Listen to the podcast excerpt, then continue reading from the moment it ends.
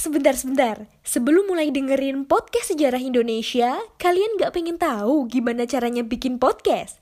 Yakin? Gak susah kok. Coba deh download Anchor Podcast. 100% mudah, 100% gratis.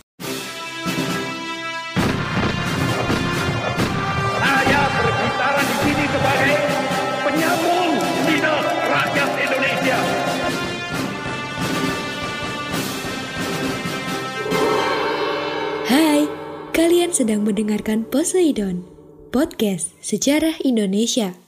Ngomongin masa lalu dengan gaya masa kini. Halo teman-teman, apa kabar? Assalamualaikum warahmatullahi wabarakatuh. Bersama saya, Sabit Azidna Rahmat. Kali ini kita akan membahas perkara fundamental dalam sejarah. Di siaran ini, saya akan menyampaikan mengenai apa pentingnya belajar sejarah. Namun teman-teman, sebelum kita membahas mengapa perlu belajar sejarah, saya akan menyampaikan satu survei menarik yang dilakukan oleh Zenius pada tahun 2014 terhadap 1340 responden. Simpulannya sangat menarik, bahwa pelajaran sejarah termasuk di dalam lima pelajaran yang dibenci oleh siswa. Tidak hanya itu, guru sejarah juga termasuk dalam kategori yang tidak disukai. Mengapa bisa demikian? Saya menduga setidaknya ada dua hal krusial yang melatar belakangi. Pertama, konten yang dianggap tidak relevan. Kemudian yang kedua, penyampaian yang tidak efektif. Dampaknya apa? Dampaknya adalah sejarah dianggap tidak bermakna. Terlebih lagi, kita sekarang hidup di era post-truth, di mana kebenaran menjadi sangat relatif. Lalu apakah memang benar bahwa belajar sejarah tidaklah penting? Sebelum menjawab itu, kita coba flashback sejenak menuju akhir tahun 2020. Di saat itu ada perdebatan tentang pelajaran sejarah. Perdebatan ini dilatar belakangi beredarnya draft rahasia tentang sosialisasi penyederhanaan kurikulum dan asesmen. Pasalnya, di dalam dokumen yang bertanggal 25 Agustus 2020 ini dinilai mereduksi mata pelajaran sejarah Indonesia. Namun menurut saya, gonjang-ganjing ini justru berdampak positif. Karena di balik perdebatannya, setidaknya kita bisa mengetahui bahwa banyak pihak yang peduli terhadap status sejarah sebagai mata pelajaran. Ini dibuktikan dengan ragam dukungan dari berbagai kalangan. Menindaklanjuti ini melalui Instagram pada tanggal 20 September, Menteri Pendidikan dan Kebudayaan bahkan membuat klarifikasi khusus. Ia menegaskan pelajaran sejarah tidak akan dihapus. Pihak yang menolak isu hilangnya pelajaran sejarah itu semakin gencar. Ragam reaksi pun bertebaran, mulai dari petisi, pernyataan sikap, tulisan-tulisan, hingga pemikiran konspiratif meramaikan lini masa di media sosial kita. Webinar-webinar tentang posisi sejarah marak dilakukan. Hampir tidak ada yang menyangkal bahwa sejarah memiliki peran besar dalam kehidupan, termasuk mata pelajaran sejarah Indonesia sebagai turunannya. Peter Carey, sejarawan kondang yang puluhan tahun meneliti di Ponegoro, ikut turun gelanggang. Ia menulis artikel berjudul Apa Akibatnya Jika Mapel Sejarah Dihapus dari Kurikulum Nasional. Di dalamnya ia mengilustrasikan sejarah sebagai media diplomasi di masa revolusi. Jadi, ternyata belajar sejarah masih dianggap penting. Pertanyaan selanjutnya yang perlu kita jawab adalah untuk apa belajar sejarah?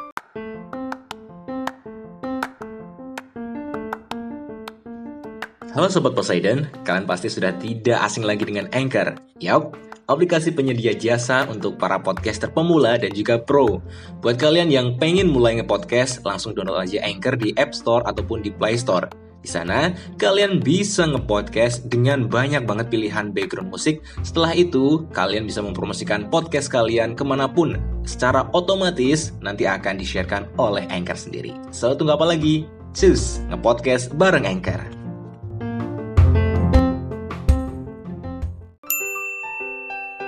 Secara normatif, sejarah itu memberikan penguatan identitas kebangsaan. Inilah yang kemudian mendorong Muhammad Yamin menulis buku yang berjudul 6000 Tahun Sang Merah Putih, bahwa bendera kebesaran kita itu memiliki kisah yang panjang ke belakang, atau seperti yang dituliskan oleh Peter Carey tentang pidato Syahrir di muka Dewan Keamanan PBB. Rir berbicara tentang identitas bangsa Indonesia yang telah mengakar sejak ratusan tahun silam. Pertanyaan selanjutnya, apakah pendidikan sejarah kita sudah mampu dalam membuat siswa sepemikiran dengan Syahdir tentang identitas kebangsaan? Kemudian, bagaimana ketika muncul fenomena people without history atau orang-orang yang terpinggirkan dalam sejarah? Apa identitas yang mereka miliki? Ini tentu saja tidak mudah dibahas. Teman-teman, sejarah itu tidak semata-mata menuliskan tentang kejayaan dan gegap gempitannya masa lalu, tidak pula tentang kisah dan nilai kepahlawanan. Sejarah tidak sepenuhnya terang, ia juga memiliki sisi remang. Dan terkadang, ada pihak-pihak yang terpinggirkan. Ada kalanya pula meninggalkan dendam dan dosa sejarah. Kisah ini tidaklah mungkin untuk dikubur dalam-dalam dan diabaikan. Karenanya, saya sepenuhnya sepakat dengan pemikiran Harari dalam Homo Deus, bahwa alasan terbaik belajar sejarah bukanlah untuk meramal masa depan. Untuk alasan tertentu, belajar sejarah adalah untuk berdamai dengan masa lalu, melepaskan belenggu sejarah, dan mencari jalan-jalan takdir alternatif lainnya. Ini karena tiap generasi berhak untuk tidak dihantui masa lalu. Mereka juga berhak menuliskan sejarahnya sendiri. Karena dua sisi yang dimiliki oleh sejarah, pendidikan sangatlah dibutuhkan. Pendidikan digunakan untuk memaknai masa lalu secara kontekstual dalam mengembangkan kemampuan peserta didik, termasuk kemampuan berpikir kritis. Dengan demikian, pendidikan sejarah hakikatnya memberikan suatu arahan. Sehingga, tanpa pendidikan sejarah dan belajar sejarah yang baik, maka pemahaman menjadi tidak terarah. Sementara itu, ketiadaan arah bisa menjadikan bangsa terpecah. Mengapa demikian? Karena jika disalahgunakan, sejarah itu ternyata dapat menjadi senjata yang membahayakan. Sejarah itu merupakan media yang ampuh untuk menjustifikasi pernyataan sekaligus menjadi alat argumentasi pembenaran. Bukan tidak mungkin, masa lalu itu akan disalahgunakan hingga menciptakan hoax kesejarahan. Apalagi jika dikemas secara meyakinkan, serta mengusik sisi primordial dan emosional masyarakat. Bisa saja, masyarakat itu akan mudah terbawa suasana karena isu yang berkembang dipercayai begitu saja. Sudah tidak terhitung beragam gerakan yang menggunakan sejarah sebagai alat. Sunda Empire salah satunya. Contoh lainnya adalah tentang jejak khilafah di Nusantara, atau tentang muslimnya seorang Gajah Mada. Perumpamaan lain misalnya di setiap bulan September, wacana tentang komunisme mendadak bermunculan. Hal ini memaksa kita untuk berhati-hati dalam memaknai masa lalu. Oleh karena itu, dengan belajar sejarah secara terarah, kita dapat memandang masa silam secara jernih, sehingga mampu melihat permasalahan dengan jelas. Dengan demikian, masa lalu bisa hadir dengan lebih humanis dan advokatif. Di sini pula bisa diulas beragam kebenaran masa lalu secara bijak. Apa yang bisa diberikan dari sejarah? Sejarah memberikan satu sumbangan besar dalam dunia kekinian. Sumbangan itu bernama perspektif, yakni tentang bagaimana masa lalu menjadi cara pandang atau perspektif dalam memahami realitas saat ini.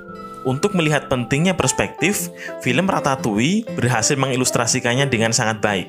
Di film itu, Remy, tikus yang terobsesi menjadi koki, harus mampu mengalahkan Anton Ego, Ego adalah salah satu kritikus masakan kenamaan. Di saat Ego datang, ia tidak memesan makanan.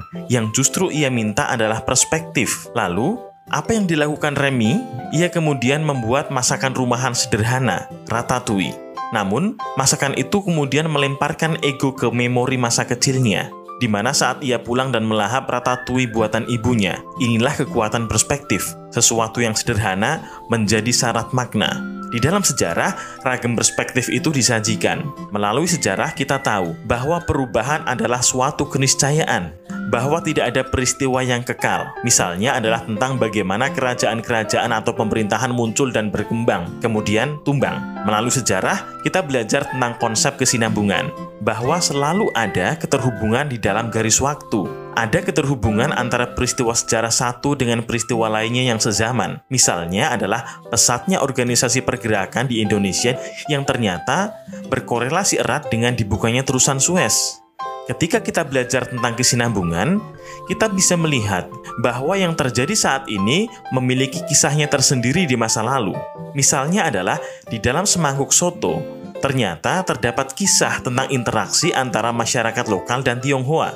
Di dalam buku Nusa Jawa Silang Budaya, Denis Lombat mengulas bahwa soto adalah masakan Tionghoa yang berakar dari kata caudo. Caudo adalah rebusan jeruan yang berempah. Nah, melalui sejarah, kita juga belajar tentang kronologi, yakni tentang bagaimana urutan suatu kejadian, juga tentang bagaimana berbagai macam pemikiran yang mengubah sejarah kemanusiaan. Dan yang tidak kalah penting, melalui sejarah, kita melihat bahwa kebenaran tidaklah bersifat tunggal, bahwa munculnya versi-versi dari satu peristiwa adalah sebuah kebiasaan. Misalnya, dalam melihat tragedi 1965, ada beragam pendapat yang masing-masing memiliki dasar pemikiran. Karena itu, tidak dapat dengan mudah kita memberikan penilaian, apalagi penghakiman.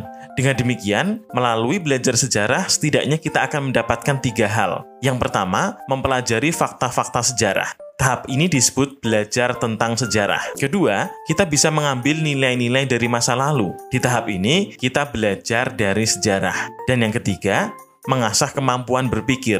Tahapan ini termasuk dalam belajar untuk ditulis oleh sejarah.